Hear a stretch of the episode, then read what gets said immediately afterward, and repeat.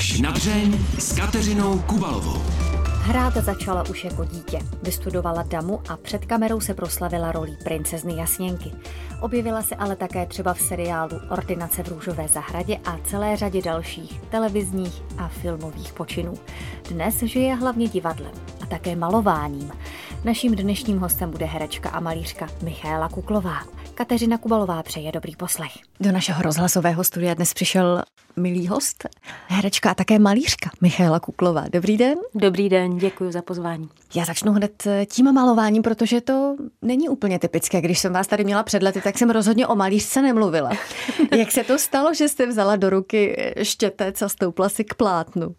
Maluju od malička, dokonce jsem se rozhodovala mezi malířstvím a herectvím. Aha velmi krátce, protože jsem chodila na přípravku na uměleckou průmyslovku a nějak mě to nebavilo, tam mě to nechytlo, přišlo mi to nudný, protože jsme do kolečka malovali jednu židli nebo džbánek a, a spoustu hodin a já jsem chtěla být rovnou už tvůrčí samozřejmě a malovat nějaký obrázky, které by mě bavily, takže a herectví mě učarovalo kamera, to prostředí lidi, takže jsem zvolila akční herectví. No a malovala jsem pak prostě pro zábavu, že jsem vlastně byla Takový relax. samouk, mm-hmm. že jsem malovala celý život. Akorát pak jsem začala malovat olejem a když jsem otěhotněla, to bylo až ve 40 letech, tak eh, jsem odložila ty olejové barvy, protože jsem nechtěla čichat terpentín u toho malování, že jsem se bála o malýho, no už s ním, prostě s tím miminkem to bylo takový nemožný, takže jsem malovala tak jeden obrázek do roka po tu dobu, co vyrůstal. A teďka mě vlastně k tomu vrátil covid ale začala jsem malovat kromě oleje ještě akvarel a ten mě teda jako úplně uchvátil, tak to dělám ráda a hlavně je takový čistý, tak jsem se vrátila k malování, protože mě donutil covid právě proto, mm-hmm. že jsme mhm. nehráli představení a neměla jsem příjmy. To mě donutilo vlastně se tím i částečně přiživovat. Mm-hmm. Co vám to dává, když si stoupnete k plátnu a tvoříte? Já si nestoupnu plátno, to jen výjimečně, když bych dělala velký plátno, jinak já jsem prostě malíř, který potřebuje sedět. A když maluju akvarel, tak si právě můžu dát ten obrázek i na klín, což mě vyhovuje. Pro mě je to relax, protože já se musím soustředit na každý tah, zvlášť ten akvarel je neopravitelný, tam, když se udělá chyba, tak už je vlastně fatální. Tím pádem se musím hodně soustředit. U toho akvarelu záleží taky jako mi na savosti toho papíru, na který maluju, na vlhkosti toho mm-hmm. papíru, jestli si ho namočím dopředu a do toho pouštím barvy, nebo pak musím čekat na nějakou fázi jakoby vyschnutí, což je krátce, tam se to musí odhadovat v tom malování. A je to takový adrenalinový trošku sport, ten akvarel. Olej je snadnější v tom, že je opravitelný a čím víc vrstev, tak to vlastně dostává takovou větší plastičnost a je to k dobru věci. Uvidíme někdy vaše obrazy na nějaké výstavě? Já doufám, že jo. Teďka jsem přestala už brát zakázky, protože bych jinak si tu výstavu nikdy ani nemohla namalovat, abych měla čas malovat. Vy jste dělala vlastně. portréty na zakázku? Že? Dělala jsem na zakázku portréty, ale i jako zvířat třeba. Chci si udělat výstavu, takže eh, budu teďka sbírat obrázky na výstavu. Michaela Kuklová začínala hrát už v nějakých, tuším, 12 letech. Komparzem 12, Aha. 13 první hlavní role. A my jsme se tady spolu ještě před tím, než se rozsvítila ve studiu Červená, povídali o tom, jak je to pro mladé studentky a začínající herečky těžké vybudovat si to své herecké sebevědomí, i třeba v souvislosti se vzhledem. A vy jste mi řekla větu, kterou bych od vás rozhodně nečekala, že jste bývala ošklivé kačátko. Neříkejte mi, že vy jste někdy měla problémy se sebevědomím. Celý život. Celý život jsem měla tyhle problémy, protože nějak nevím proč, jestli se s tím člověk narodí, nebo nějaká špatně mířená věta v mládí zamindrákuje to mladé stvoření. Jednu takovou mi řekl můj táta a ta se se mnou teda táhne celý život, ani nebudu vyslovovat nahlas, ale největším prostě zdrojem těch pochybností a té sebekritiky jsem já sama sobě.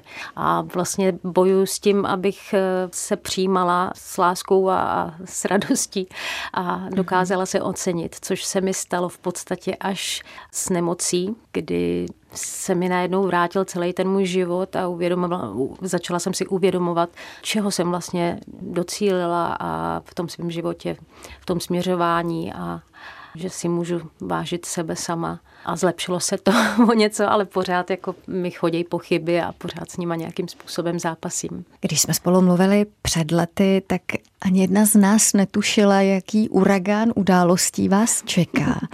Jak moc jiná Míša Kuklová teď sedí ve studiu? Jak vás to všechno proměnilo? Co se nezmění, je to, s jakým charakterem, myslím, že v tomhle tom se neměním, že jsem to směřování měla mm-hmm. vždycky, akorát v tom mládí člověk udělá spousta chyb, který dělá samozřejmě i v dospělosti, pořád se člověk mm-hmm. učí ale ta proměna je právě třeba v té sebekritice, že se člověk potřebuje trošku ocenit a mít se rád, tak to se mi asi podařilo, protože ta nemoc, tím, že se člověk dotkne té smrti, tak to myšlení opravdu má tu moc konečně přehodit a uvědomit si, že každý ten den je vzácný. Takže jsem v podstatě jenom jiná tímhle tím, že pro mě ty dny už jsou vzácný. Já věřím, že tady budu do aspoň 80, ale i tak eh, prostě vím, že to je takhle a může to být jinak, takže to je jediné, co mě změnilo. Vy jste prý nemoc na sobě poznala ještě dřív, než to udělali lékaři.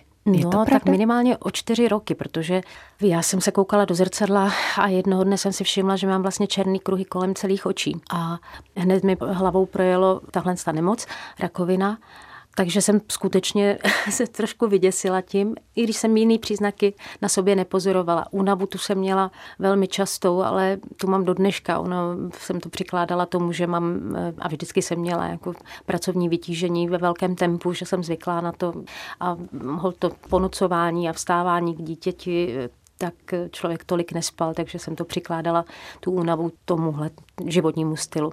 A tehdy jsem zakoupila, že jsem vyhledávala nějaký mm-hmm. videa a zjistila jsem, že by prevence téhle nemoci mohlo být nějaké množství vitamínů B6, B12 a kyselina listová, takže jsem to začala užívat a tu kyselinu listovou jsem nedobrala, protože člověk jako nemá, když si říká, a to nic jako není a jenom ta prevence, tak člověk jako by není v tom poctivý.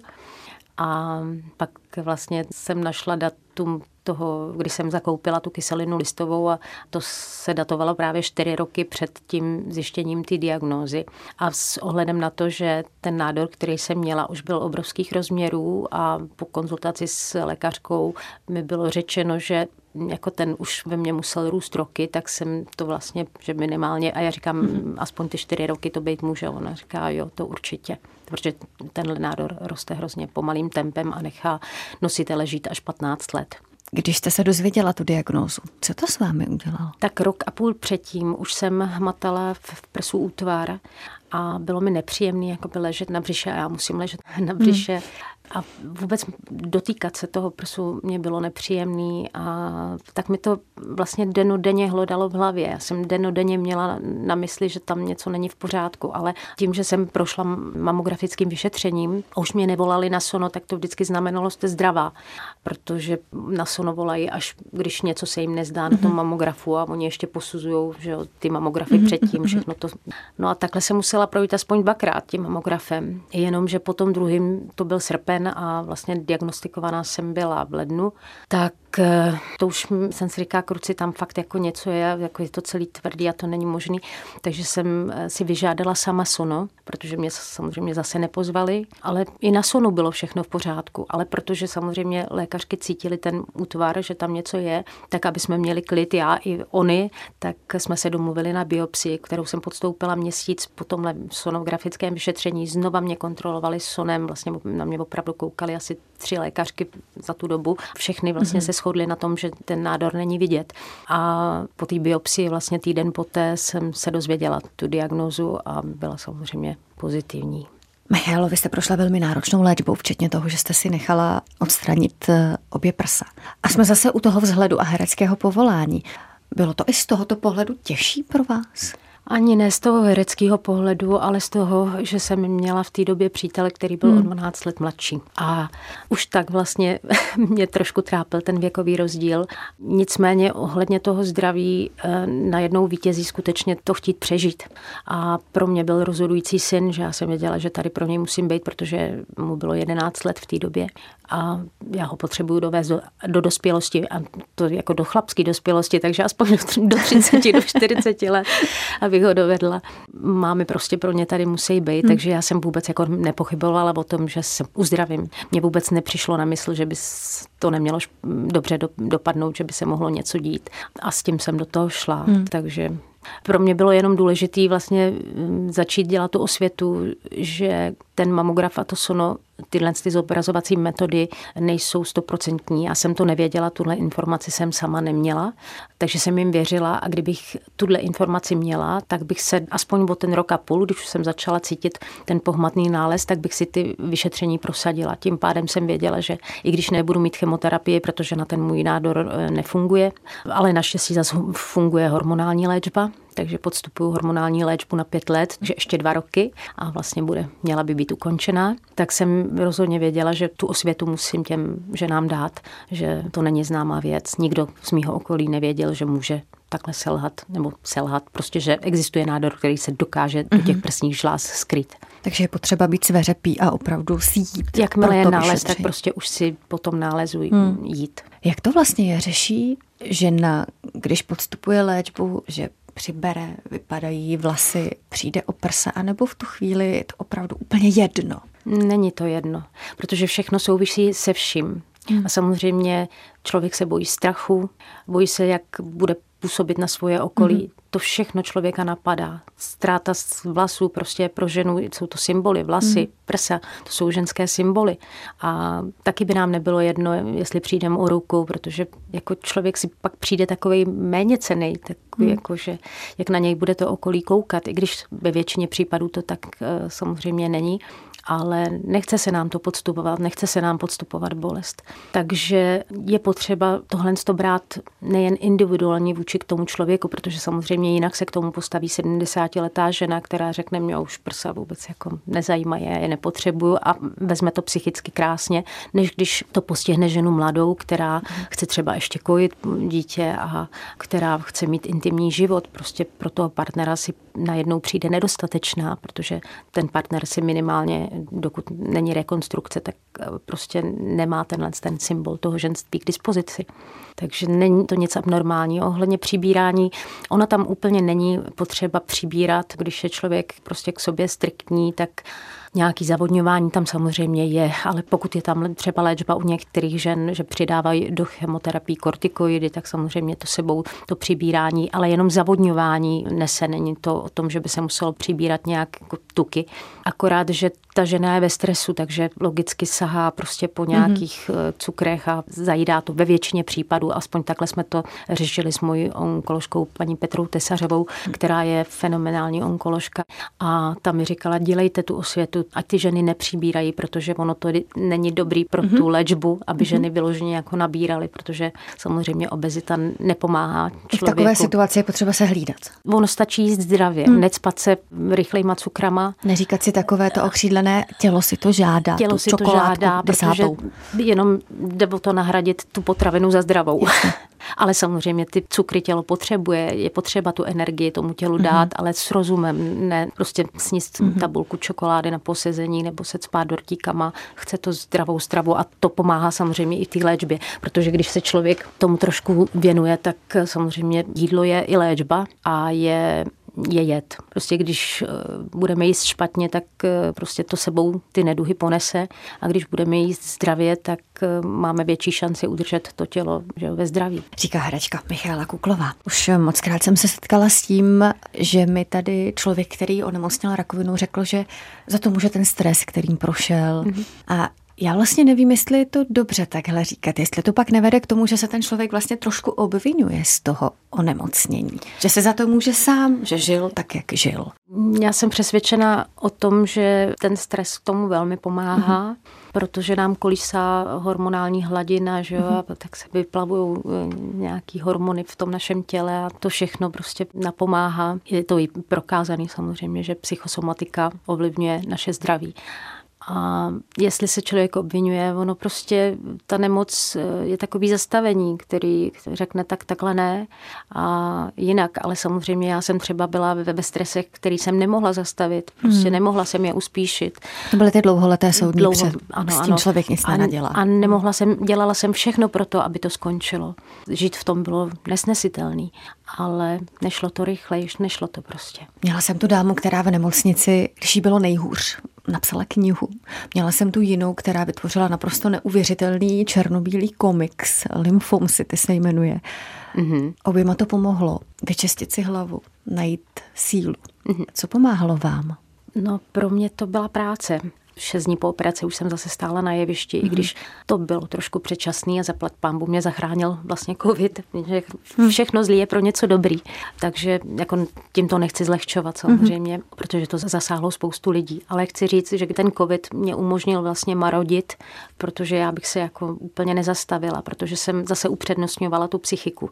Že já jsem placená od představení, tudíž eh, když nehraju, tak nemám příjem a mě by vlastně rozhodilo třeba si půjčit peníze a vlastně mít další, jako k hypotéce mít další dluh. Nebylo by to pro mě pro léčbu dobrý, byla bych ve stresu. Takže mě uklidňovalo vlastně, že ty věci jsou, že je můžu vykonávat, že vlastně můžu všechno, že můžu žít eh, při té léčbě úplně normální život a pracovat. Akorát po té operace to chtělo dát tomu tělu trošku větší odpočinek. Já jsem byla v tomhle drsňák, protože zase na druhou stranu, když nehraju já, tak přijdou příjem i moji kolegové, kteří v tu chvíli odpadá to představení a divák musí jít domů a zase poslat ty lidi domů. Prostě herci hrajou, dokud nepadnou na jevišti, tak to je prostě u hereckého zaměstnání, že hrajou i s horečkama, dokud to jde. Jak těžké bylo se rozhodnout, že půjdete s tím tématem na veřejnost? Že se ocitnete v hledáčku médií a naplníte samozřejmě svou osobou a svou nemocí stránky bulváru? No, to bylo rozhodování právě, hmm. protože neměla jsem to v plánu a tím, když jsem zjistila, že nebudu mít chemoterapii a že mi nevypadají vlasy, tak vlastně se nabízelo to, že se mi to podaří utajit. Hmm. Na druhou stranu na jevišti jsem potřebovala trošku schovývavosti, protože tam třeba scénu, kdy Ivo Šmolda se takhle přitisknu na prsa a takhle tu hlavu mu tam hmm. o ty prsa třu a, a člověk něco musí jako hmm. vysvětlit. A, tak jsem, a ten jediný to věděl vlastně. No ale taky až po, po hmm. delší hmm. době vlastně, když jsem byla po operaci, takže hmm. celou tu dobu ještě předtím ty biopsy a tohle, to, tak to nevěděl. A ještě nějakou dobu po operaci to taky nevěděl, hmm. takže, protože jsme hráli v jiných představeních, ale ve chvíli, kdy došlo na tohle představení, tak jsem věděla, že jemu už to říct musím, že já nevím, co bych si vymýšlela, proč to jako nemůžeme hrát se jenom tímto způsobem. Ale to rozhodování bylo náročné, protože to, že, že žena přijde o ty prsa ještě, aby to jako probíral celý národ, tak to mně přišlo úplně nemyslitelný stud, prostě to jsou věci, které si člověk chce jako odbejt potají hmm. a sám, jenomže zase úplně jako mě hledalo to svědomí, že když tohle to neřeknu, že jako nezachráním spousta žen možná, jako že hmm. tahle informace je hrozně důležitá, takže jsem jako s tím nějaký čas bojovala a pak jsem si říkala, nekašlu na to, prostě tohle to se ty ženy dozvědět musí. A šla jsem ven a pak mě to překvapilo, že vlastně jsem to snášela úplně dobře. Jenom si pamatuju na moment, kdy jsem viděla nějakou reportáž, kterou jsem natočila, která byla na obraz a úplně mě polilo horko, když jsem slyšela mluvit sama sebe, že najednou ten Aha. stud a to všechno, jako že, že o tomhle můžeš mluvit, tak to mě přepadlo. Uvědomila jsem si to, tohle je o mně co to tady povídám, ale pak mě to zase přešlo, takže jenom tak pár takových momentů bylo, ale na druhou stranu najednou člověk zjišťuje, že ty lidi to začnou přijímat eh, tak, jak to je, tak kdyby mě chyběla ruka, tak ty, co mě mají rádi nebo kterým jsem sympatická, tak tu ruku fakt jako nebudou řešit a budou za mnou, jakože hmm. mě budou mít rádi i tak a tohle jsou věci, které si na tom velmi hmm. člověk hmm. uvědomí. Vy jste hodně aktivní na sociálních sítích i v různých své pomocných skupinách, třeba žen eh, nemocných rakovinou a tím ano. pádem se setkáváte se spoustou příběhů. Mm-hmm. Co to s člověkem dělá, když se dovídá ty příběhy, které rozhodně nejsou jednoduché? U té rakoviny prsu je úžasný to, že ona, když se chytne včas, tak se léčí téměř ve 100%. To je mhm. důležitý podotknout, že ta medicína je skutečně daleko. Pro mě těžký případy jsou třeba to, když ta žena se mi rozhoduje pro alternativní léčbu, protože věnuju se pacientkám, které se na mě můžou obracet, když onemocní. Mm-hmm. A já jediný úkol, který sobě dávám, je sejmout z nich ten nejhorší strach, protože ten ničemu nepomůže a člověk musí vlastně dodat optimismus a naději. Takže to je to, o co se snažím, sejmout ten úplně nejhorší strach a pomoct mm-hmm. psychicky té ženě vlastně, že to bude dobrý a aby se věnovala té léčbě. Když se mi ozve pacientka, která chce dělat alternativní léčbu, tak já úplně nejsem pro tohle, protože vlastně neznám případy, kdyby ta alternativní léčba s těma pacientkama skončila dobře, za to znám spousta těch, kteří teda podstoupí tu razantní léčbu, ale pak jsou zdraví a samozřejmě zdraví, pokud se přijde včas a nemetastázuje to do dalších orgánů, kdy už se to vlastně považuje za nevylečitelnou nemoc, ale přesto i takovýhle pacientky dokážou dneska lékaři držet 20 let a jako dál, dál, dál, že je spousta prostě další léčby, další, v pořád jsou studie, takže ty ženy to podstupují, ale je to strašný, co, co opravdu některý prožívají. To se mnou malo hodně a dokonce jsem byla v jedné facebookové skupině, kde jsem teda ještě do dneška, ale já jsem musela vypnout sledování. Už toho na mě bylo tak moc, když tam jako odešlo za sebou pár maminek, který měli malé děti, tak eh, nemám na to úplně ty nervy to snášet. Ale těch případů je samozřejmě daleko míň. To procento vyléčených žen je obrovský. A tohle jsou ty případy, kdy se to prostě nepodaří, kdy třeba ten nádor je tak agresivní. Ale je spousta druhů nádorů a opravdu ta úspěšnost léčby rakoviny prsu je obrovská. Michála Kuklová, která je dnes hostem pořadu až na dřeň, maluje krásné obrazy, už jsme o tom mluvili, snaží se pomáhat ženám, které onemocnily rakovinu a pochopitelně také hraje. Ano. Kde vás teď můžeme vidět? Já jsem pořád činná v divadle, ale nejvíc vlastně pracuji s mou domovskou agenturou a s tou jezdíme po republice s představeními. Zároveň teda, když už hraju v Praze některá z těch představení, tak hraju v divadle u Hasičů, v hudebním divadle v Karlině, v Gongu a ve Strašnickém divadle. A teďka zase chystáme nějakou novou hru, tak to mě naplňuje, dělat to divadlo. Na začátku jste říkala, že jste nešla studovat tu výtvarničinu, protože vás herectví úplně uchvátilo, že jste hmm. se do něj zamilovala. Máte ho pořád stejně ráda, nebo to s věkem přechází, nebo ah. přechází do jiné fáze? Jak to je? Mně to přišlo jenom z té filmové a televizní tvorby na to divadlo, kdy mě uklidňuje, když to představení vlastně mm-hmm. mám mhm. zažitý a to, co se děje, každý to představení, jak je jiný mm-hmm. a každý divák je jiný, tak mm-hmm. tohle to mě vyhovuje. Ale Ta vlastně kamera jsem... už vás vůbec neláká. Ne vůbec. Takže už vás neuvidíme v žádné pohádce. Nevím, to už jsem teďka jsem přehodnotila zase po, del, po delší době a říkám si, kruci, ty se tomu bráníš, ale tak příště si prostě aspoň přečti scénář a třeba tě něco jako chytí. Takže uvidíme, jestli se něco vyvrbí časem. Když mě něco přepadne, že to bude hezká věc, tak si asi ještě odvahy dodám, ale uvidíme. Ale to divadlo je pro mě takový, že se vlastně jednou za rok, za dva udělám premiéru a jinak vlastně to je zažitý v té paměti. Člověk se má o co opřít. Mě to tak jako neznervózňuje, jo? že se nemusím učit nový a nový texty a je to v teple většinou, jenom letní scény občas, ale to mě na tom vyhovuje. Co jsem pohodlná prostě. Co potřebujete k takovému pocitu štěstí a spokojenosti? Teď už v podstatě nic moc. To štěstí a pocit to tak vstoupí do člověka, jak ví, že se mu ten život ukrajuje, tak to štěstí stoupá, protože si váží toho každého dne.